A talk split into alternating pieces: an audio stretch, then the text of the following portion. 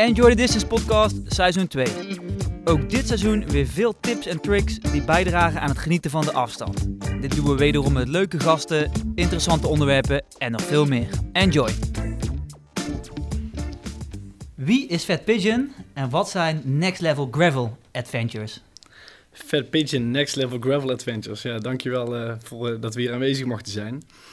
Fat Pigeon is een kanaal van zeer gepassioneerde fietsers voor zeer gepassioneerde fietsers. Passie voor fietsen, passie voor avontuur, elkaar inspireren en met je maat op pad gaan. En gewoon keihard over gravel rijden. Ah, ja, het is natuurlijk hartstikke populair, gravel rijden. En uh, hoe, hoe, hoe zijn jullie eigenlijk begonnen? Want misschien ja, leuk om het jezelf voor te stellen. Ja, ik, uh, ik ben Non van Loon. Ik ben 28 jaar. Ik woon in Tilburg. Um, ja, zeer gepassioneerd fietser, al uh, sinds een jaar of twaalf nu. Uh, begonnen met, uh, met Alpe d'Huez en af en toe op de fiets gestapt. En wat, ik, wat ik merkte dat ik leuk vond is ja, beter worden, plekken ontdekken, mensen leren kennen. En ja, dat is toen eigenlijk een beetje uit de hand gelopen. En toen begonnen met koersen om, om een beetje dezelfde gekken tegen te komen. En um, ja, uiteindelijk gaan, gaan studeren, gaan werken. Maar toch is altijd die passie voor de fiets uh, ja, sterker gebleken dan het, het passie voor het, uh, ja, het vak wat ik uitvoerde. Dus sinds, ja, sinds nu ongeveer een jaartje het roer omgegooid en een volle bak op het, op het wielrennen gezet. En eigenlijk, ja, wat wij doen is ja, zo vet mogelijke avonturen beleven. En dat, dat delen op een manier zodat mensen denken van, shit, dit wil ik ook. En ja, dat is, uh, dat is wie ik ben en wat ik doe. ja, nou ja, uh, mooi gezegd en uh, is absoluut helemaal waar. ik ben Luc, 31, kom uit Tilburg. fiets eigenlijk al heel mijn leven. Ik heb nooit competitief ge gewielrend als, als coureur, zoals dat dan heet. Ik heb je één keer een, een rugnummertje opzien. Ja, ik heb wel, keer, ja? ja? ik, ja, ik heb wel eens een keer dat? een rugnummertje opgespeeld. En ik heb toen ook wel meteen een shirtje gekocht waar je dan op een rugnummertje kon. Hè, de, aan, het materiaal, aan het materiaal lag het niet. Maar ik werd toen volgens mij ook gewoon kaartenbosjes ingereden tijdens de eerste, nou niet de eerste bocht, maar de tiende bocht heb ik toen niet gehaald. Ik heb daarna nog wel een paar herkansingen gedaan, maar uh, het criterium rijden, daar uh, laat ik zo zeggen, daar ben ik te laat mee begonnen. Laten we het daarop houden. Ik heb uh, wel altijd heel veel gefietst. Uh, volgens mij was ik uh, vier of vijf jaar toen ik in, voor het eerst de fietsvierdaagse reed. Dat was toen nog Nederlands voor wat je nu zou noemen een meerdaagse. mijn opa heeft heel zijn leven heel veel gefietst. bikepacken door Schotland. hij had altijd, altijd een hele mooie rode gazelle met glitter, ja, glitterende zilveren dus. Heel, heel vroeg die verhalen te horen. Ja, ja, zeker. Veel verhalen. En ik, ook, hè, ook toen ik 18 werd of 17, dan mocht ik dan de, de racefiets van mijn vader meenemen. En in mijn studententijd gaan wielrennen. Dan zijn er meer mensen die tweedehands fietsjes regelen. En ja, zo heb ik eigenlijk het wielrennen een beetje opgepikt. En dat werd steeds, uh, steeds fanatieker. Wel nog steeds als recreant. Uiteindelijk mijn uh, sportieve hoogtepunt was denk ik qua fietsen. Dat ik, ik heb wel een Ironman gedaan in 2016 is heel gaaf om te doen. Ook een beetje rond die periode dat ik een nol leerde kennen bij de Tilburgse Studentenwielenvereniging. Kijk eens. Daar, uh, jazeker. jazeker, daar, daar raakten wij volgens mij bekend een beetje in Italië toen wij de Stelvio opreden. Ja. Best, wel, best wel flink gelachen, best wel flink gelachen die rit. Flink gelachen en flink veel bier gedronken. Dat, is, uh, dat is wat je bij een studentenwielenvereniging doet. En uiteindelijk dachten jullie, we gaan Fat Pigeon, Fat, Fat Pigeon starten. Ja, het was, het was eigenlijk gestart dat we dachten, ja, we doen eigenlijk zulke vette dingen. En mensen vinden het leuk dat ze bij mijn, bijvoorbeeld mijn Strava of zo, fotootjes zien. Ja, dat wilden we eigenlijk wat intensiever gaan doen. En uh, toen kwam er een challenge, de, de Dirty Cancel Challenge van Laurens Sendam. Toen dachten we, oké, we gaan dit gewoon leuk aanpakken. We gaan er een vette video van maken, we gaan er naartoe opbouwen. We moeten eigenlijk een Instagram-paginaatje hebben. Nou, is een Instagram-paginaatje en... Um, nou, die, dat event uh, helemaal voorbereid, de routes uitgebreid gepland, voorgereden, uh, naartoe opgebouwd in de socials, toen een film gemaakt en um, ja, nou, toen was Fat Pigeon geboren. En dat was leuk, er werd goed op gereageerd en um, ja, steeds meer uh, leuke vette avonturen gaan doen, dat steeds meer gaan delen. gewoon als hobby, gewoon voor ja. de lol. En um, toen kwamen we op de fotoshoot van Rogelli in, waar was dat? In Innsbruck. En uh, daar uh, Wouter Roosboom, de fotograaf, en dan Bart de Graaf, de videograaf, die zeiden eigenlijk los van elkaar van... hé, hey, wat jij doet, Dat is, dat, is, dat is gewoon super vet, weet je. Je komt op plekken, jij, jij, jij kan dingen op, op, met een bepaalde snelheid. ja, dat, daar zit gewoon waarde in. En dat dat eigenlijk een, een zaadje in mijn hoofd geplant. Hm.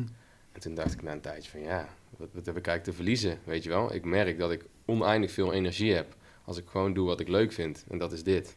Dat is ook een van de belangrijkste dingen in het leven, denk ik. Dingen doen die je leuk vindt. Ja, ja dat, dat is heel simpel gezegd. En je hoort het natuurlijk al je hele leven, maar... Uh, ja, dat, ik maak gewoon de keuze. ik, ik, ga het gewoon doen.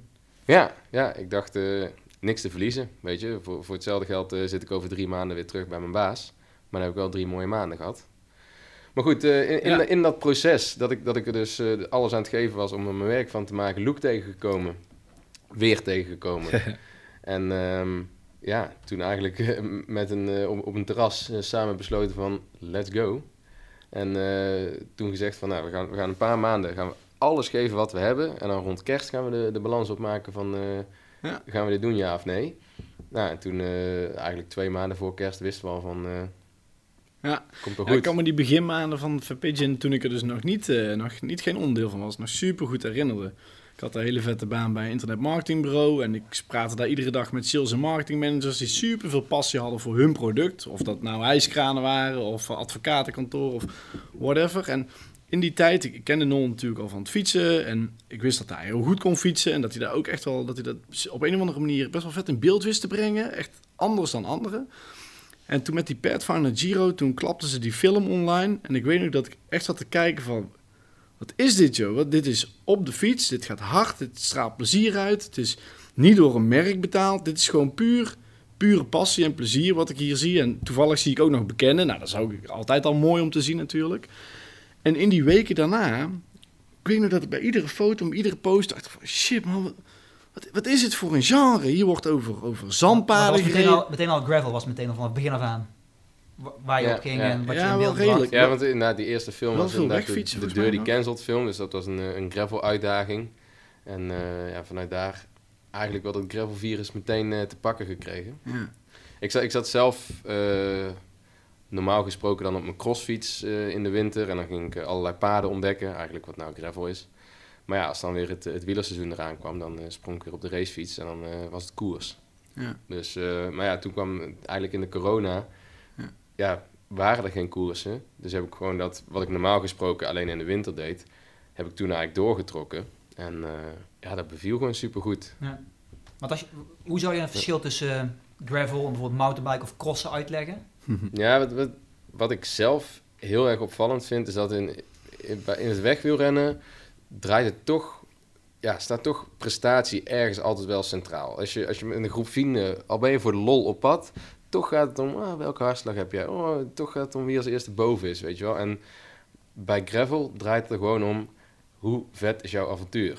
Weet je, wat, wat doe je, hoe leuk is dat? En het gaat er totaal niet om hoe je eruit ziet, uh, uh, ja, waar je heen gaat, hoe ver je gaat. Het, gaat. het avontuur staat centraal. En dat is gewoon wat, wat voor mij het, belangrijkste verschil is. Dat het echt wel een soort mindset is die je een keer moet ervaren bij een ander of met een ander zo'n gravelrit. Ga een keer met iemand mee die zo'n fiets heeft. Of desnoods ga op je eigen fiets eh, een keer zo'n gravelrit doen. Er staan er op internet meer dan genoeg. Een voorbeeld denk ik is, ik heb een crossfiets gehad. Um, niet zo heel lang geleden, een jaar of drie, vier geleden. Maar ik kende zeg maar, de, ik noem het al even de, de gravel manier van rijden. Dus gewoon relaxed, een langere rit, een mooiere rit. Kende ik niet. Ik had wel een crosser, lijken op het eerste oog heel veel op elkaar. Maar met die fiets kon ik alleen fietsen zoals ik het crossen van tv kende. Dus wat deed ik dan?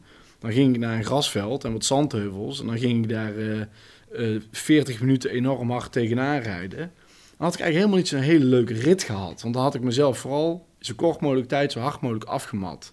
Dus ik heb die crossfiets weer verkocht. En toen ik voor het eerst... Uh, voor mijn eerste gravelrit was echt... Hè, je deed wel eens met vrienden over, over een paardje. Maar mijn eerste gravelrit was, was met Nol.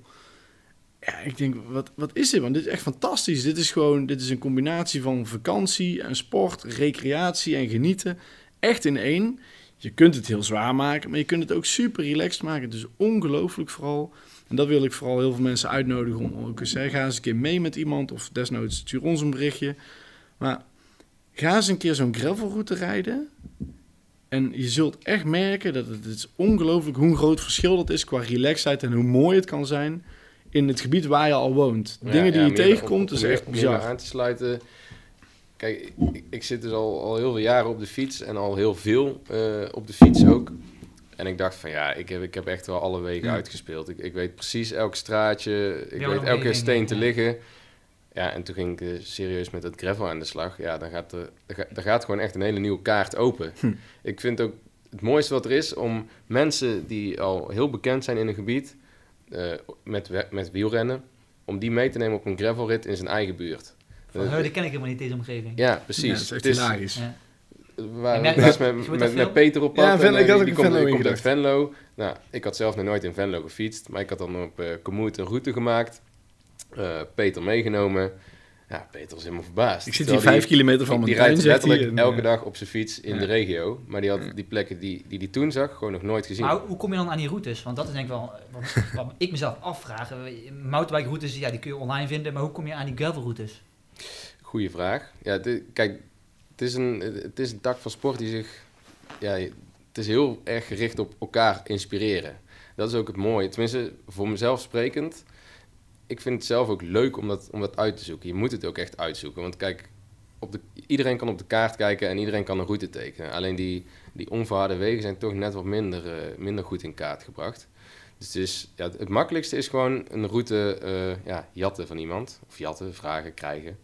Dat is het makkelijkste. Afkijken. Ja, 9 van de 10 keer heeft diegene goed zijn best gedaan om daar een mooie route van te maken. Een ontdekkingsreis, gewoon paardjes proberen, kijken wat wel werkt, wat niet werkt. Ja, ja zelf werken we eigenlijk altijd met, uh, altijd met Komoot. Ja.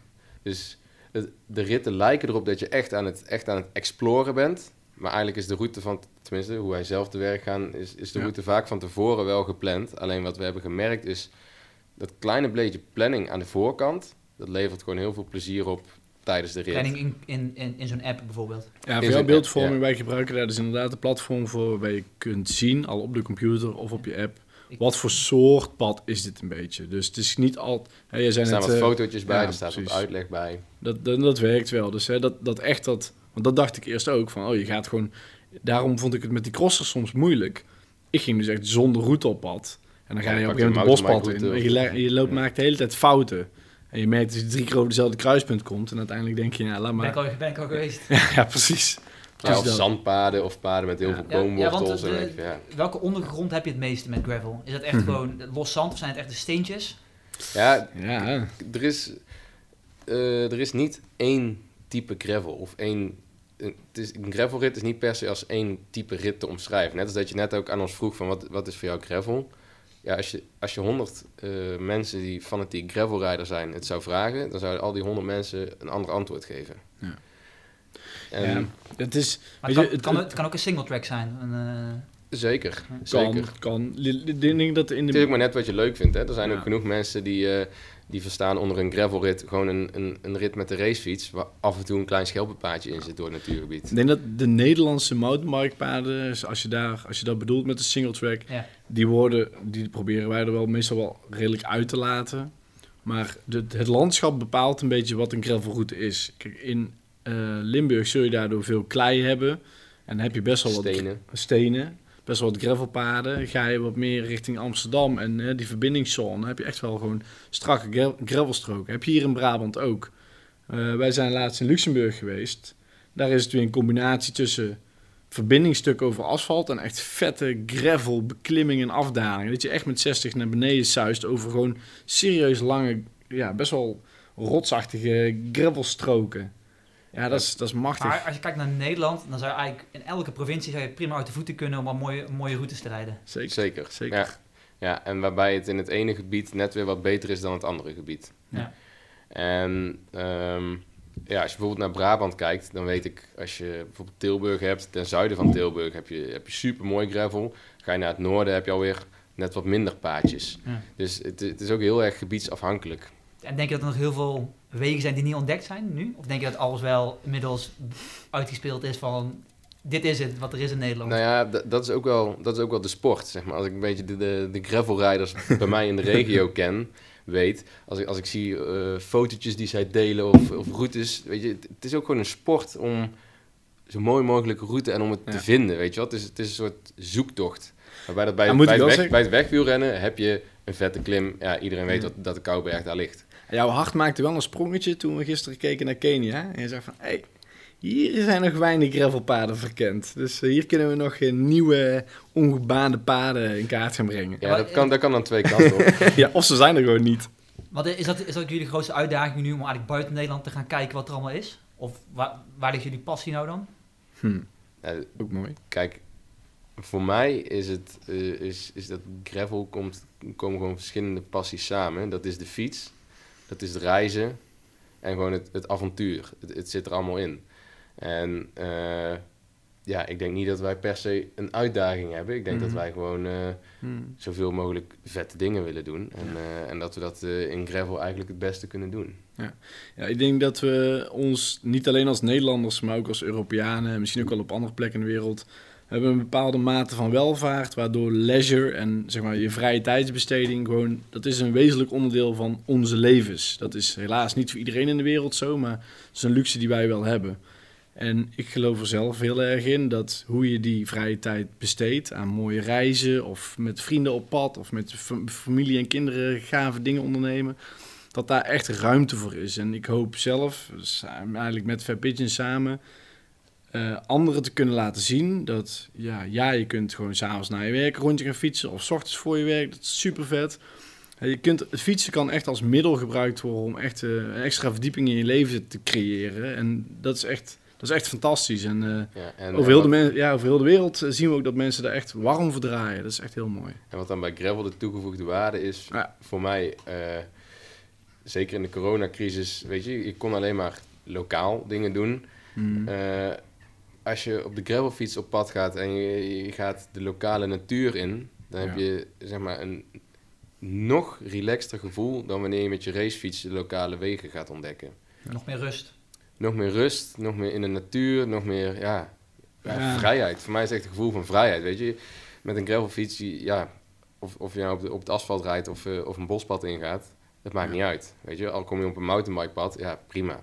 Ja, als je dan naar de fiets gaat kijken die je gebruikt voor, voor, gravelrijden, want dat is echt een, een, echt een andere fiets. Ja. Wat maakt dan een gravelfiets anders dan een crosser, een racefiets of een mountainbike? Veel gehoorde vraag, veel gehoorde vraag.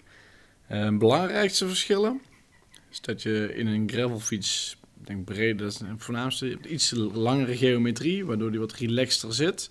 Dus je kunt er makkelijk lange rit op maken. Iets meer rechtop zit je dan? Iets meer rechtop. Nou, ja. Luke bedoelde eigenlijk dat de, de, de wielbasis is langer, dus de wielen staan net iets verder uit elkaar. De voorvork is daardoor net iets uh, ja, relaxter gekanteld, waardoor je, waardoor je meer, meer comfort hebt. Er passen bredere banden in, dus je hebt wat dat betreft wat meer demping. Um, veel gravelfietsen zijn uitgerust uh, met een aantal bevestigingspunten, dat je er eventueel uh, tassen op kan doen.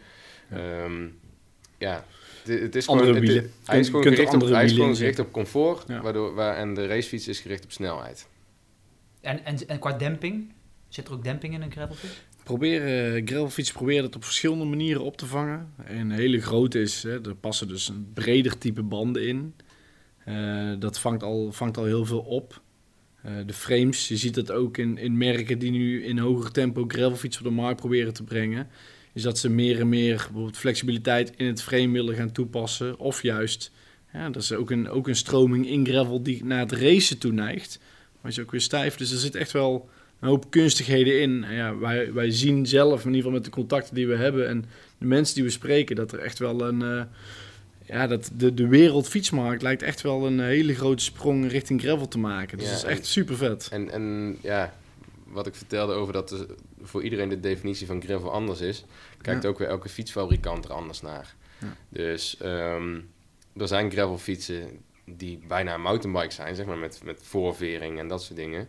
Maar er zijn ook uh, gravelfietsen die eigenlijk gewoon uh, een wegfiets zijn waar net iets bredere bandjes in passen. En, en alles ertussenin. Ja. Er zijn ja, er is geen één, één gravelfiets. Je kan niet zeggen er zit wel of geen vering in. Want er zijn, ja, er zijn verschillende opties ja, voor vering. uitvoeringen. Uh, prijsklasses waarschijnlijk. Ja, ja.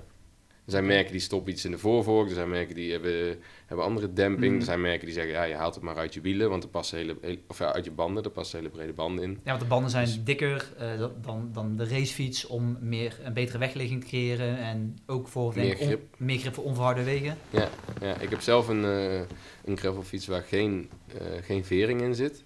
Alleen er passen wel, als ik één maatje kleinere wielen pak, passen er ook mountainbike banden, banden in.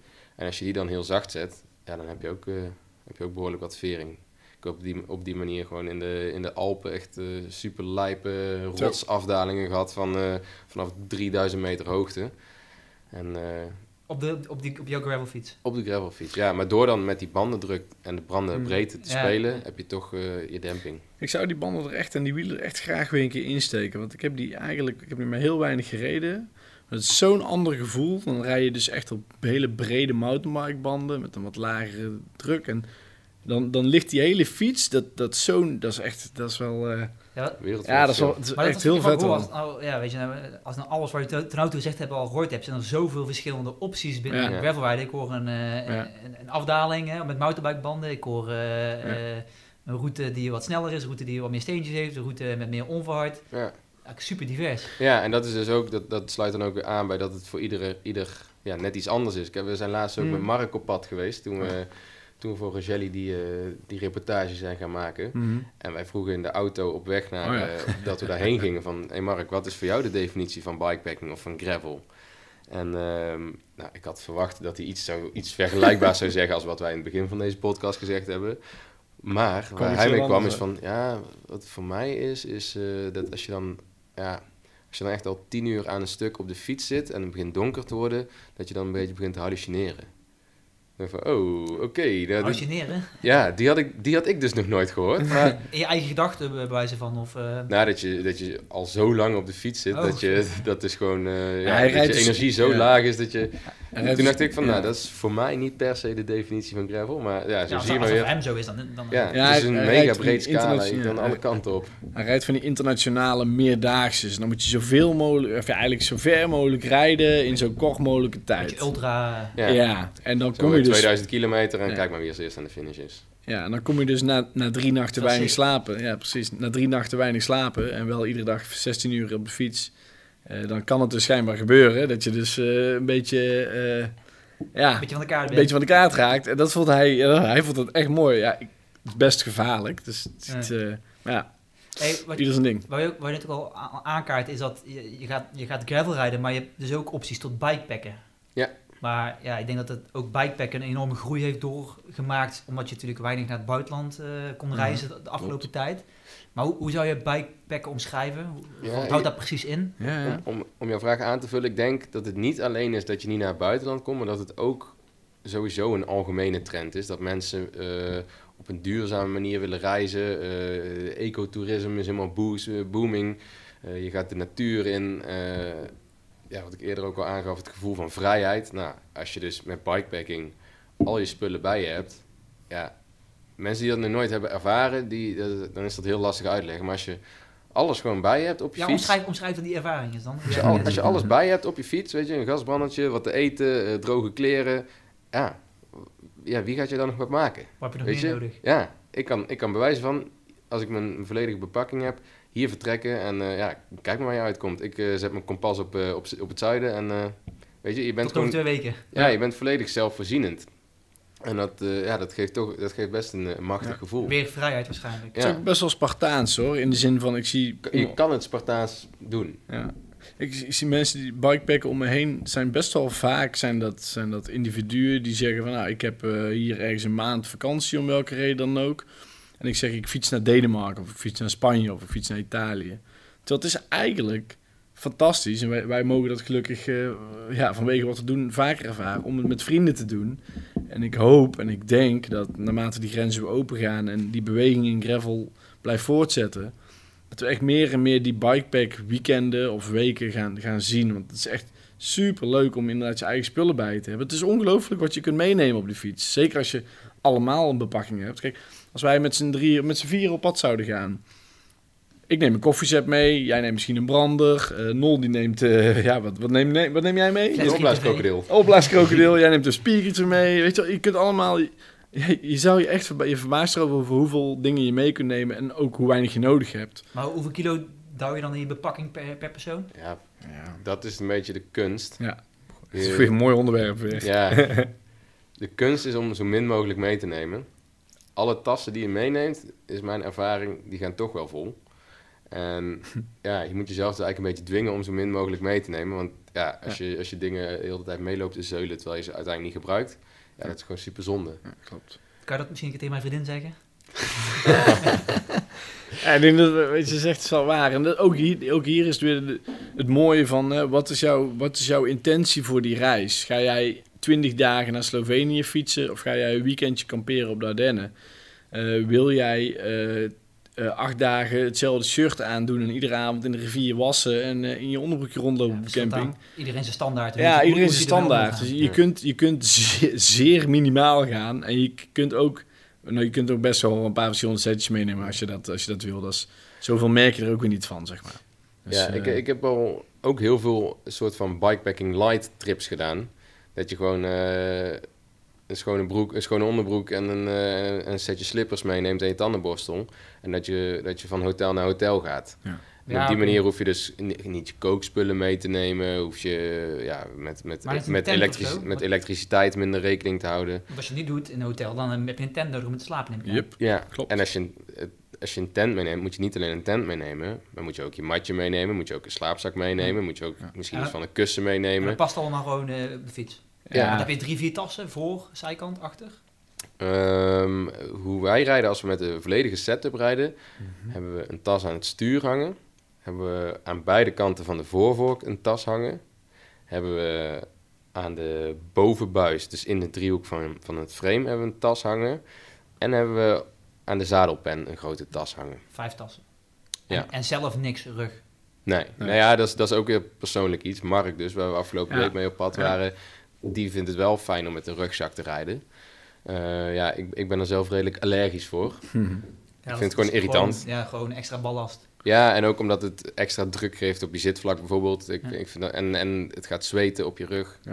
Die extra tassen en die materialen, dat is natuurlijk ook wel weer heel mooi. Want de hele, ja, de hele markt ziet natuurlijk ook dat bikepacken en ook überhaupt eh, backpacken natuurlijk ook. Dat bestaat natuurlijk al langer dan vandaag. Dus je hebt breed scala aan één of twee persoon steentjes. Sommige merken die pitchen met een, ik zag laatst iets heel moois, eh, een 1 kilo set. Een 1 kilo, een tent, een slaapzak en een matje. Nou, eerlijk is eerlijk, dan mag het niet te koud zijn, want het was allemaal redelijk eh, lichtgewicht en dus dun. Maar je kunt, eh, het is, ja, je, die verkopen echt kleine materialen, dus dat kun je echt prima meenemen. Mijn Ja. tip is daarbij wel, ehm, je kan beter net iets te warm meenemen dan net iets te koud. We hebben, Hm. ja, laatst nog eigenlijk, dat is niet eens zo heel lang geleden. Dus Ja. toch, het kan s'nachts koud worden. En als je het s'nachts echt koud hebt en je krijgt het niet warm, dan heb je een hele nare, dag, hele nare nacht. En als je een nare nacht hebt en je moet de volgende dag weer Veel eh, fietsen. ja. 100 kilometer of zo, ja, dan moet je wel Absoluut. redelijk wat koffie meenemen. Ja. En een beetje op persoonlijke noot, maar koop alsjeblieft eh één keer iets. Ga een keer kijken in de winkel, test dat een keer of eh, kijk wat je in je handen hebt. Het, zou mij, het is in ieder geval bij mezelf al redelijk wat vaker voorgekomen dat ik dacht, ik koop nu even iets goedkoops. En eh, uiteindelijk koop je dan toch een tweede of een derde, uiteindelijk. Goedkoop Dus, eh, is duurkoop. Ja, zeker. Goedkoop kan, eh, kan zeker, Zeker. En als het om je nachtrust gaat, dan, eh, dan Ja, telt je- het nog ja, dubbel. Want, want je, als je, je zei, je, je fietst ook 100 km per dag. En dat is voor, ja, voor sommige mensen natuurlijk kan dat heel veel zijn. Dus je hebt, Mhm. je hebt wel echt je herstel nodig, je rust, Ja. je voeding. Ja, ja, en het is ook voor het mentale, weet je. Als je, als je gewoon een slechte nacht hebt, ja, dan dat kent iedereen wel, dan ben je gewoon Ja. chagrijnig. Ja, En dan heb je gewoon, dan geniet, kan je er minder van genieten. ja, Ja. precies. En wie van jullie eh, neemt de meeste bepakking mee? Ja, Ja, We we wegen eigenlijk. afgelopen weekend nog mijn bepakking aan moeten passen omdat die te zwaar was. Ja, ja, ja. Ah. Maar ehm, ja, wij zijn dus ook vaak met camera's op pad en dat soort dingen. Ja. Dus eh, bij ons is de bepakking sowieso al, al snel volle bak.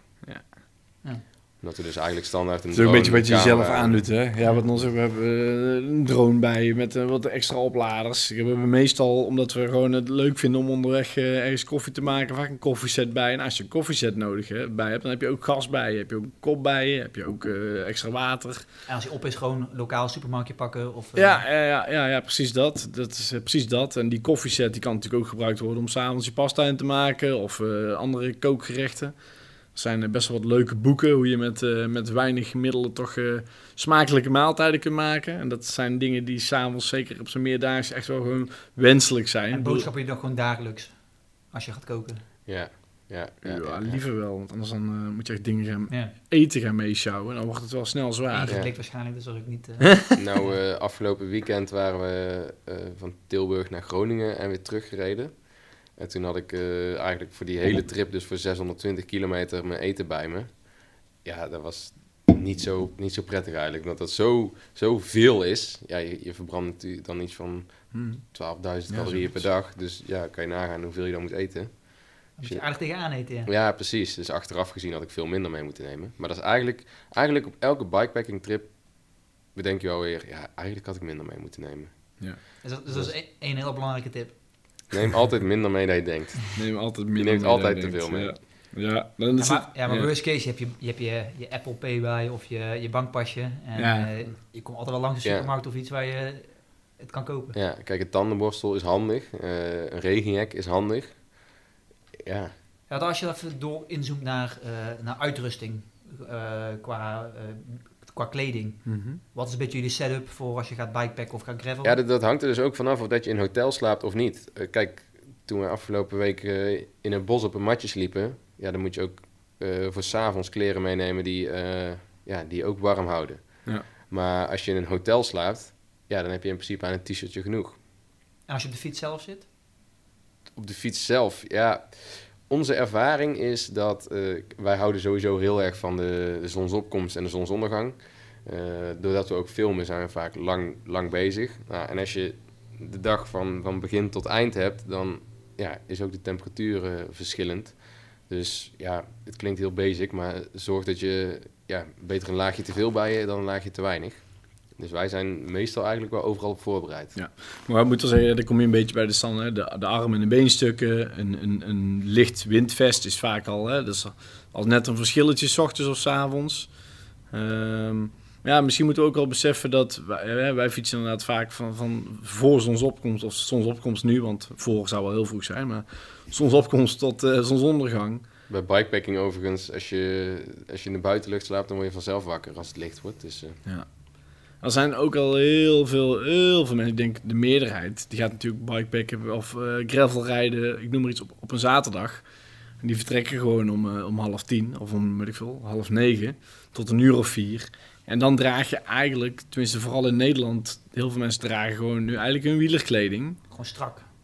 Vaak wel. En dat, dat, wij ervaren zelf dat zo'n losse, ik noem, wij noemen het een fladdershirtje, maar gewoon een soort, soort t-shirt-achtig iets, is wel echt super fijn. En we hebben ook eh gravelbroeken waar je dus aan de zijkant dingen in kunt steken. Nou ja, voor het oog, het is misschien eventjes wennen, maar het is super gemakkelijk. En je zit ook daar weer door relaxter op die fiets. Dat je Ja. niet je racepak aan hoeft. Kan wel, er zijn gelegenheden dat we dat wel doen, maar... En wat het, wat het voordeel, voordeel is ook bij dat soort kleding, is dat het eh, ja, eigenlijk multifunctioneel is. Ja. Dus- Die wijd zit in de kleding. Ja. Ja, dat je het dus ook eventueel s'avonds eh nog eh, naar een restaurant zou kunnen dragen. Ik, in de, als, als het wat kouder is op een bikepacking trip, ook zelfs nog afgelopen week, dan neem ik ook bijvoorbeeld mijn waddet mee. Dus een, echt een, een winterjack. Gewatteerd. eh, Ja, omdat je die en, en eh, kan dragen s ochtends als het echt nog koud is op de fiets. Ja. Maar dat je die ook s'avonds bij het kampvuur aan kan hebben. En op die manier hoef je dus niet ook nog een trui mee te nemen. Hey, Ja. hey, je zei, eh, je was laatst dus vorige week in Duitsland van het weekend.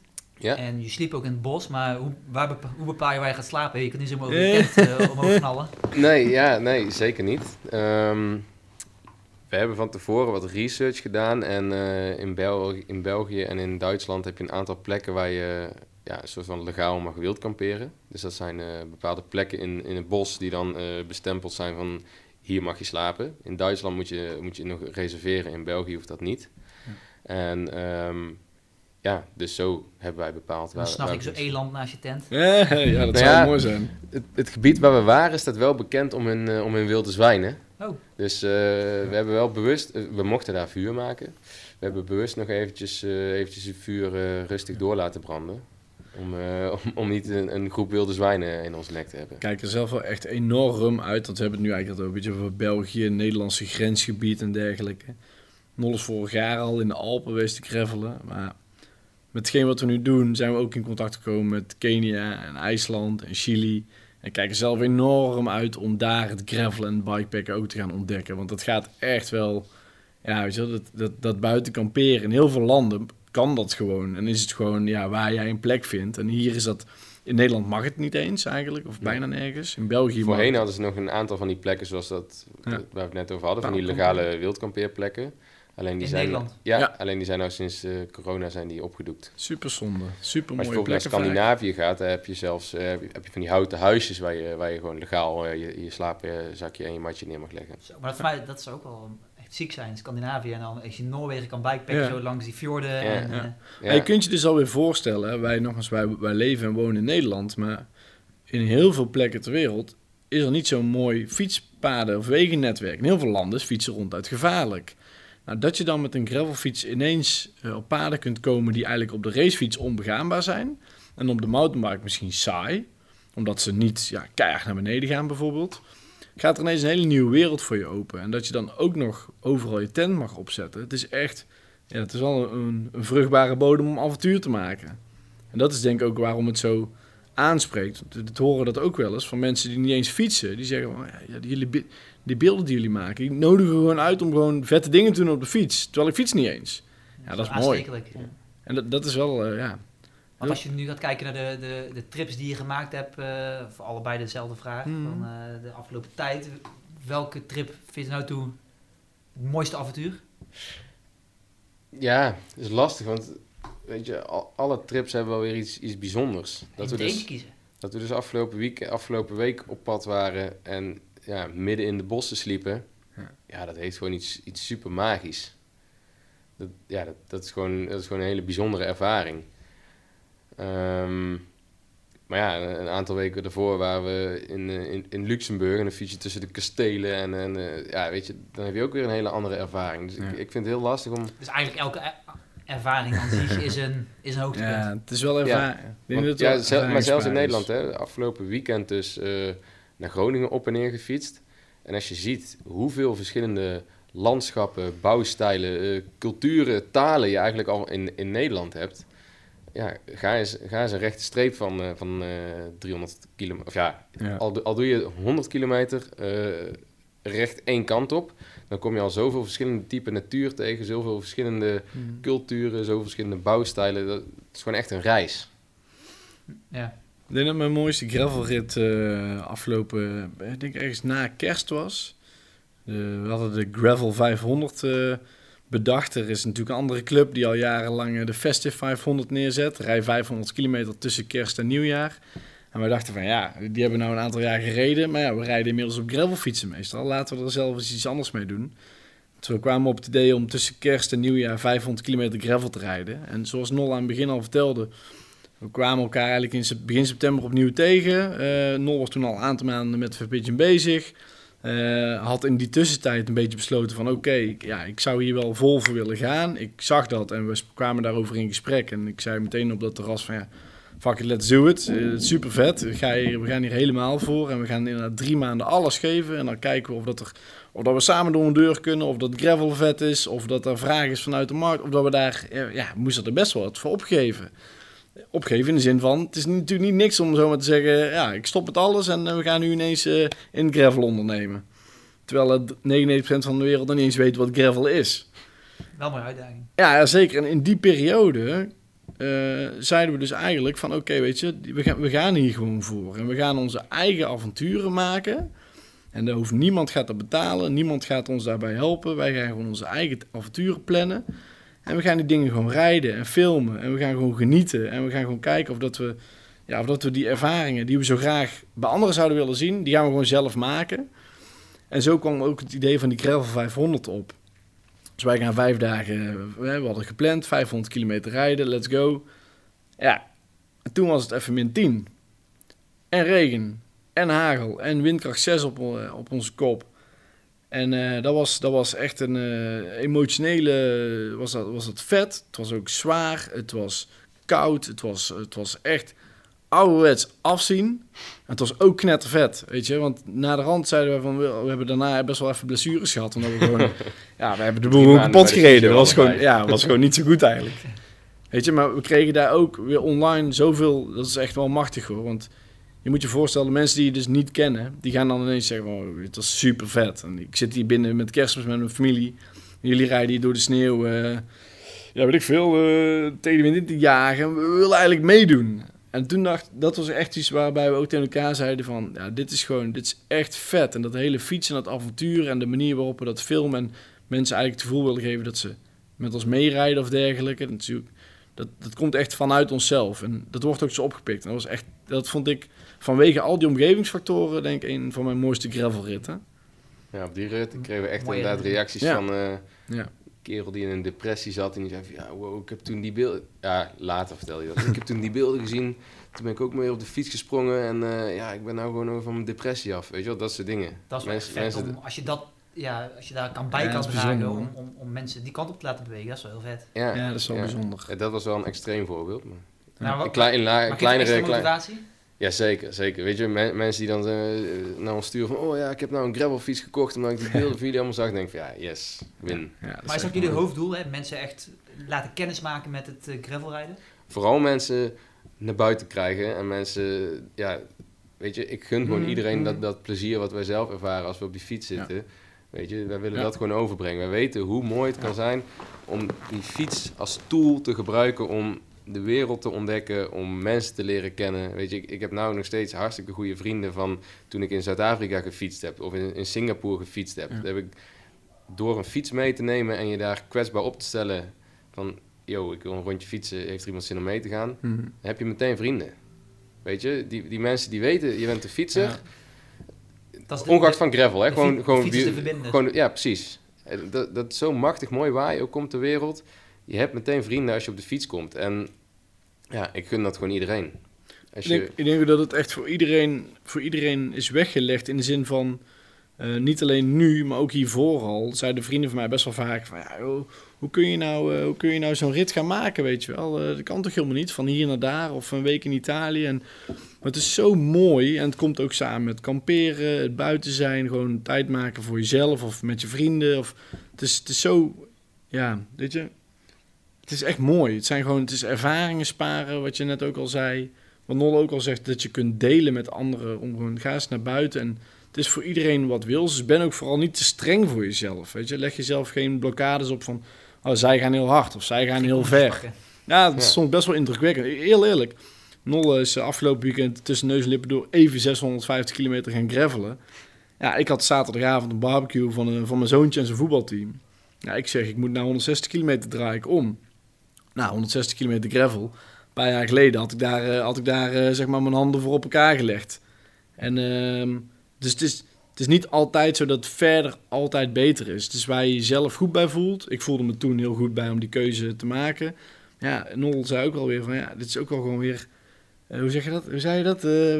Herinneringen sparen of pain is temporary, uh, pride is forever. het zijn wel... Ja, wat, wat mooi is, kijk, die rit is natuurlijk, ja, die, die ga je heel lang herinneren en dat is iets super bijzonders. Alleen gisterenochtend zaten we ook op de fiets. Gewoon om half zeven spreken we af, even twee uurtjes fietsen voor het werk. Weet je, en we, zijn gewoon even twee uurtjes op zomervakantie.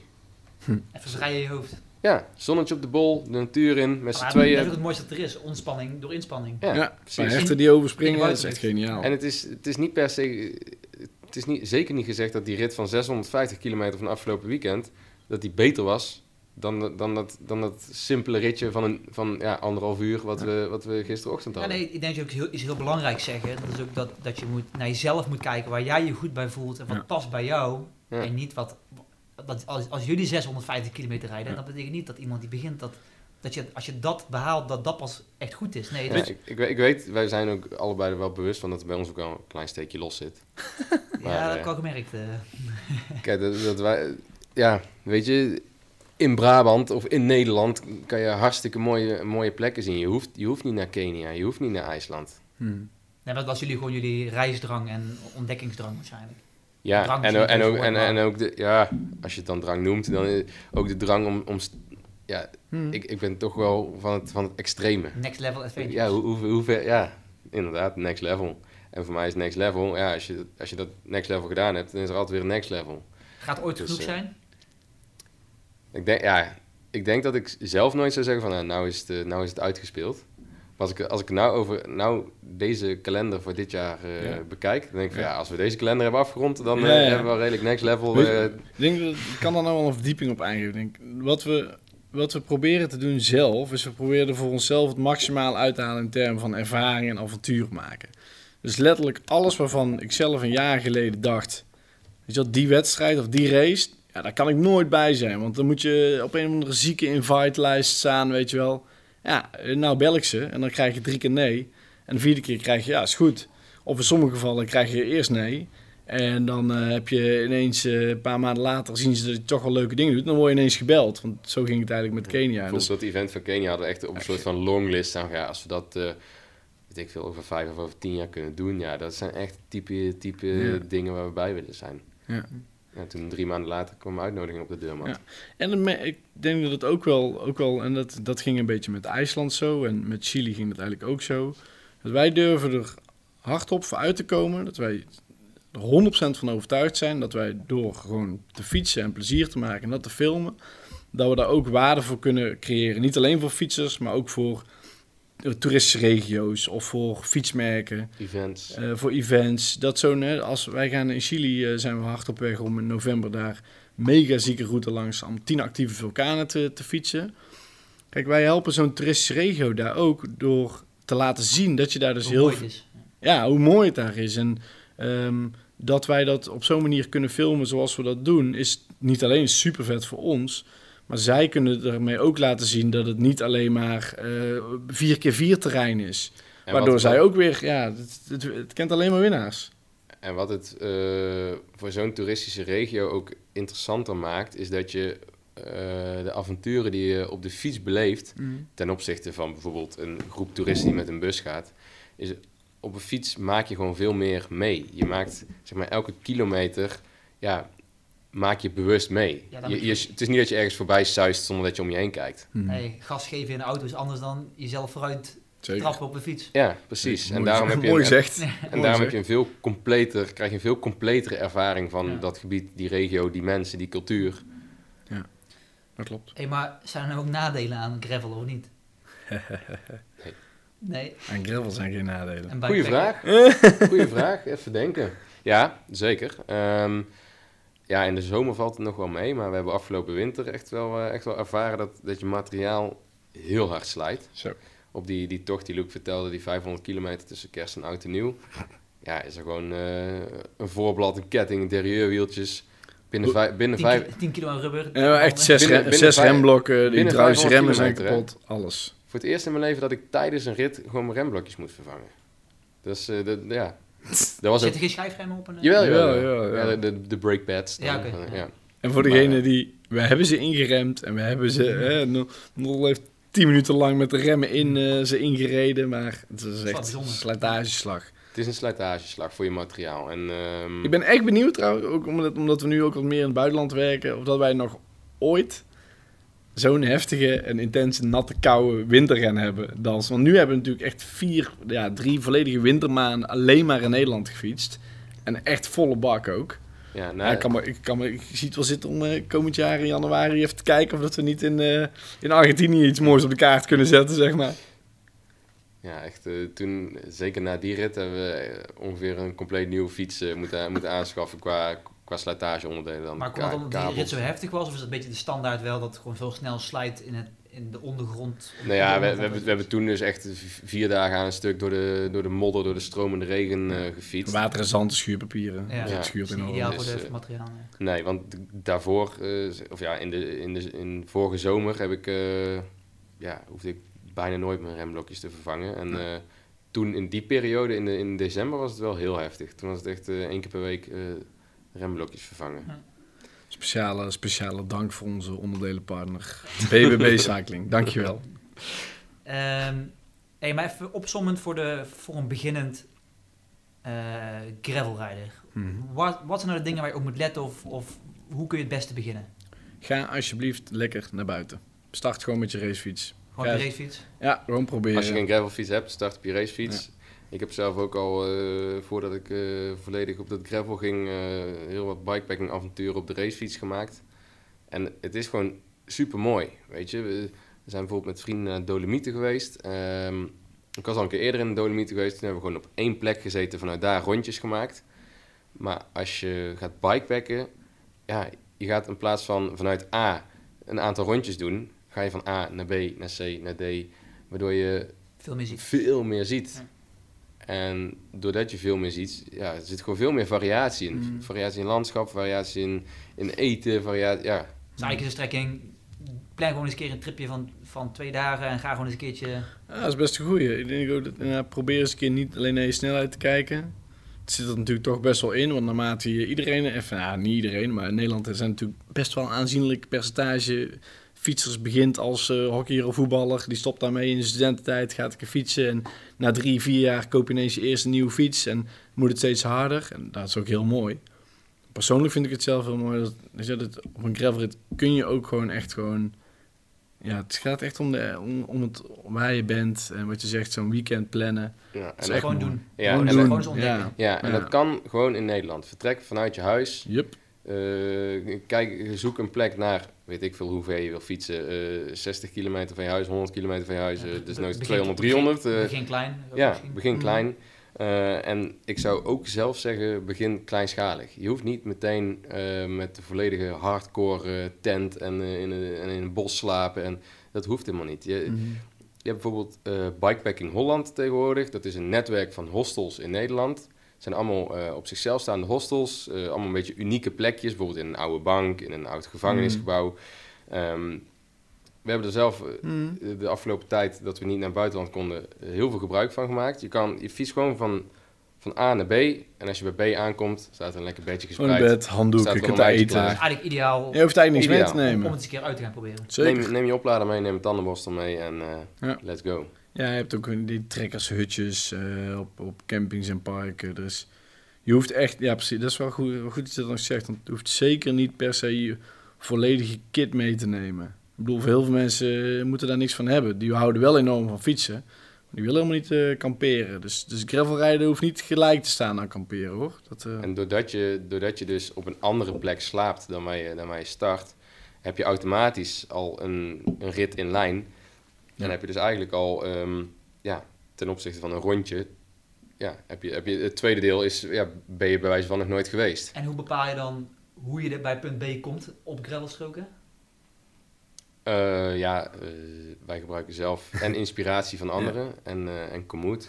Vaak is het toch wel ja, dus de route van dus tevoren maken. Platform Komoot, uh, Komoot kunt uitspreken maar. Ja. En bij anderen, ja, misschien via jullie of, of via Instagram? Of... Ja, vaak wel ergens goed vandaan. Want wat nog wel terecht zeg, fietsknooppuntennetwerk is er niet echt op dat soort paden. Nee, dan, ik kan me dus voorstellen als iemand begint met, oké, ik ga een uh, dagje gravel rijden, ga van A naar B, B slaap ik. Oké, hoe ga ik nou van A naar B op die gravelroutes? Dus ja. zeg je, weet je, zoek even op internet, uh, staan genoeg routes. Ja, en wat, wat bij mij zelf altijd het de eerste stap is in die routes bouwen, is um, dat ik op de kaart kijk naar de, naar de groene gebieden. En dan ga ik, ik bepaal meestal op basis daarvan uh, een soort van grove lijn voor mijn route. En dan ga ik kijken van oké, welke, welke paden moet ik daar dan precies pakken. Hmm. Maar ik vind het zelf, ja, dat vind ik zelf het leukste om niet, uh, niet langs een N-weg te fietsen bijvoorbeeld. Hmm. Hmm. Een stap een keer van de fiets. Even een momentje rustig. Je hoeft niet in één keer door te mag ook weer erom. Niks, niks, je moet, alles mag.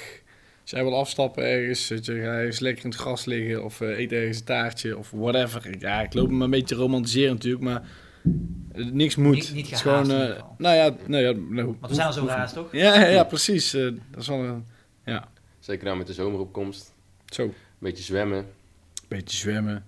Lekker man. Dat is echt mooi. En, en nog andere tips voor beginners? Of hebben we zo de lading wel uh, gedekt? Uh, racefiets. Qua eten zorg dat je meer dan genoeg bij je hebt. Als je, als je gravel gaat rijden. Um, de fout die ik zelf in het begin maakte, is dat je denkt, nou, uh, racefiets, snelheid ongeveer, ja, even rekenen met 30 gemiddeld. Stel je, stel je hebt een route van 60 kilometer, nou, dan ben ik over twee uur thuis. Nou, daar, daar heb ik me meer, ja, veel te vaak op verkeken. En uh, dus ja, neem, reken wat extra tijd. Dat is, dat is belangrijk. Neem wat extra eten mee. Want ja, je, je weet gewoon niet wat je tegenkomt. En dat is, uh, dat is het mooie, maar dat is tegelijkertijd ja, kan het ook een uitdaging zijn. Weet je als, je, als je denkt een hele leuke route gemaakt te hebben en er zitten allerlei, uh, allerlei zand, zandbanen in. Ik, ja. ik heb er misschien nog wel een tip voor, tip voor de beginnende gravelrijder. Er is een beetje een ongeschreven, ongeschreven regel onder de gravelrijders. En dat is dat we proberen allemaal wat vriendelijker en socialer en netter naar elkaar te zijn dan niet per se andere fietsers, maar het is een soort van, ja, de laatste is een campagne geweest van de gravelcode, maar ben vriendelijk naar elkaar, hou je gewoon aan de regels. Als je er ergens niet mag fietsen, fiets er niet.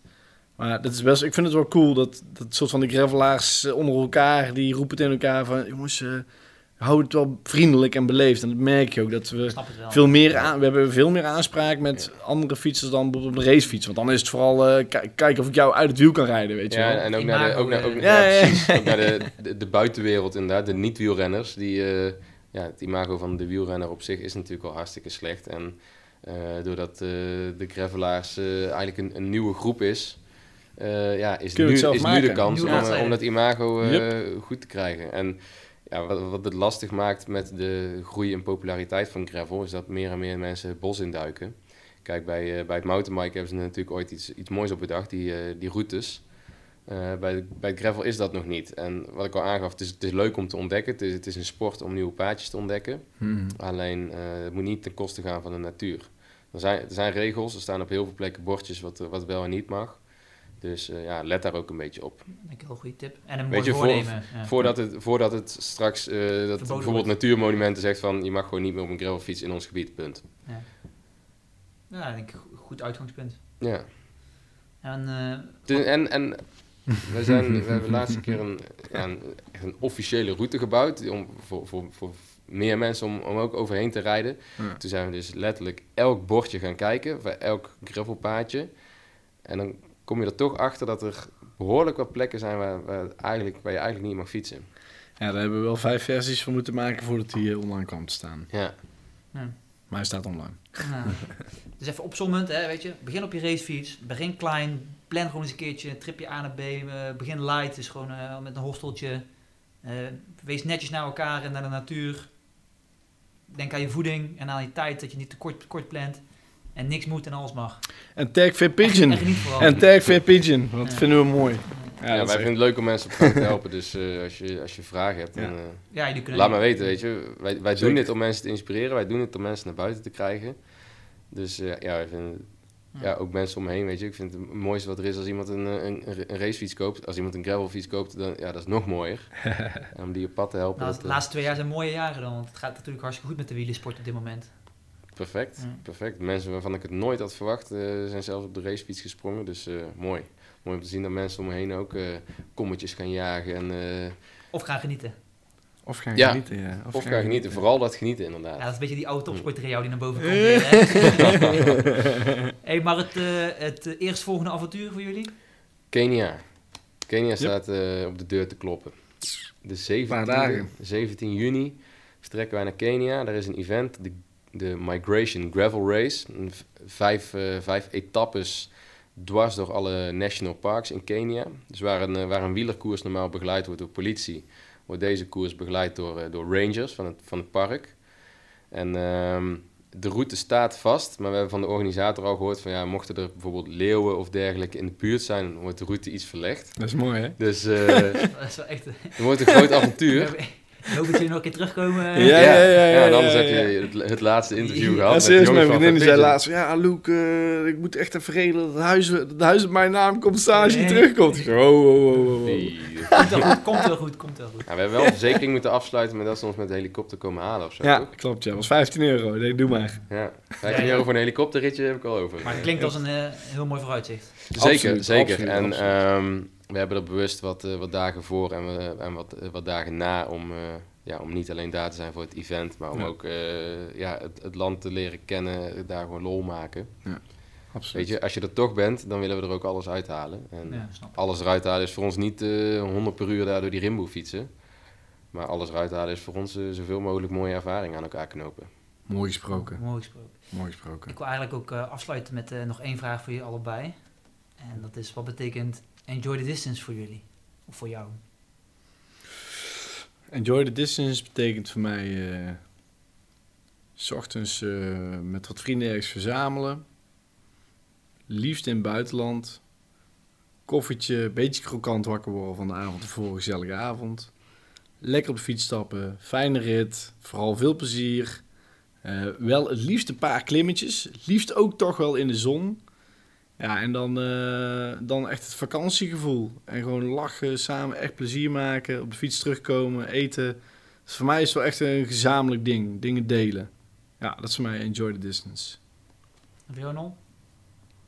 Ja, voor mij is, is enjoy the distance eigenlijk precies zo'n trip als die we, die we toen daar laatst in Duitsland hebben gedaan. Dat je, je hebt wel een route, maar Kom je onderweg uh, een leuk terrasje tegen, ga lekker op zitten. Kom je, kom je onderweg een, een, een, eh, een, mooi meertje tegen en je hebt het warm, ga even lekker zwemmen. Kom je, ja, zie je iets moois, ga, ga lekker even een uitgebreide fotootjes te maken. Weet je, voor mij is enjoy the distance uh, en, en gravel, mm. dat, is gewoon, dat is gewoon één. Want juist dat, die enjoy the distance momenten is die, is, zijn de momenten die ik het mooie en het aantrekkelijke van gravel vind. Ja. Mooi gesproken. wat is voor jou enjoy the distance? Ja, ik denk, wat jullie ook beide omschrijven, uh, is het genieten van het moment. En niks moet, alles mag. Hè, dus een keertje stoppen en, en, en echt bewust zijn van waar je aan het rijden bent en wat je meemaakt. Mhm. Dat is voor mij enjoy the distance. Want dan ben je er ook echt. Ja. ja. En niet te snel rondje, wat heb ik de afgelopen uur gedaan? Nee, echt bewust zijn in dat moment dat je dat rondje maakt. Ja, ja voor mij met hoe wij het nou aanpakken is voor mij enjoy the distance ook later weer een keer dat fotootje erbij pakken. Later, weer een, keer, later weer een keer dat filmpje zien inderdaad en denken, shit, dat wil ik weer. Weet je, en uh, we hebben nou het geluk dat we, dat we dat heel vaak hebben. Dus dat we, Super tof. Ja. alleen maar momenten kan, hebben. Dat kan ook zijn dat je gewoon af en toe een berg hard op moet vlammen. Hè? Ja, dat kan ook leuk moet zijn. Ook gewoon kunnen. Moet, moet ook, gewoon Die afwisseling moet er ook zijn. Ja. Mannen, ik wil jullie hartstikke, hartstikke bedanken voor uh, het leuke gesprek en uh, het enthousiasmeren van van een stukje gravel rijden. Die hebben mij in ieder geval al... Uh, ja, ik ben wel geïnteresseerd. Ik heb het nooit gedaan. Om het gewoon te gaan proberen. Ja, ik zou zeggen... Uh, ja, denk niet te moeilijk. Gewoon gaan. Ja, en, uh, precies. Ja. Ga maar mee. Ik heb een fiets extra geregeld. Dus, ah, kijk eens. Ik ben even staan nooit meer verkopen dat, dat je niet mee kunt. Geen excuses meer. kan ook op de racefiets. Ja, ja dat ook nog. En uh, ja, blijf vooral doorgaan met je bezig zijn. super tof om te zien. Thanks, en dankjewel voor de komst. Bedankt voor het luisteren naar deze aflevering van de Enjoy the Distance podcast. Wil je na het luisteren van deze aflevering ook direct gaan genieten van de afstand in onze kleding? Laat dan een review achter en wie weet ben jij de gelukkige winnaar van de prachtige kledingset. Enjoy the Distance.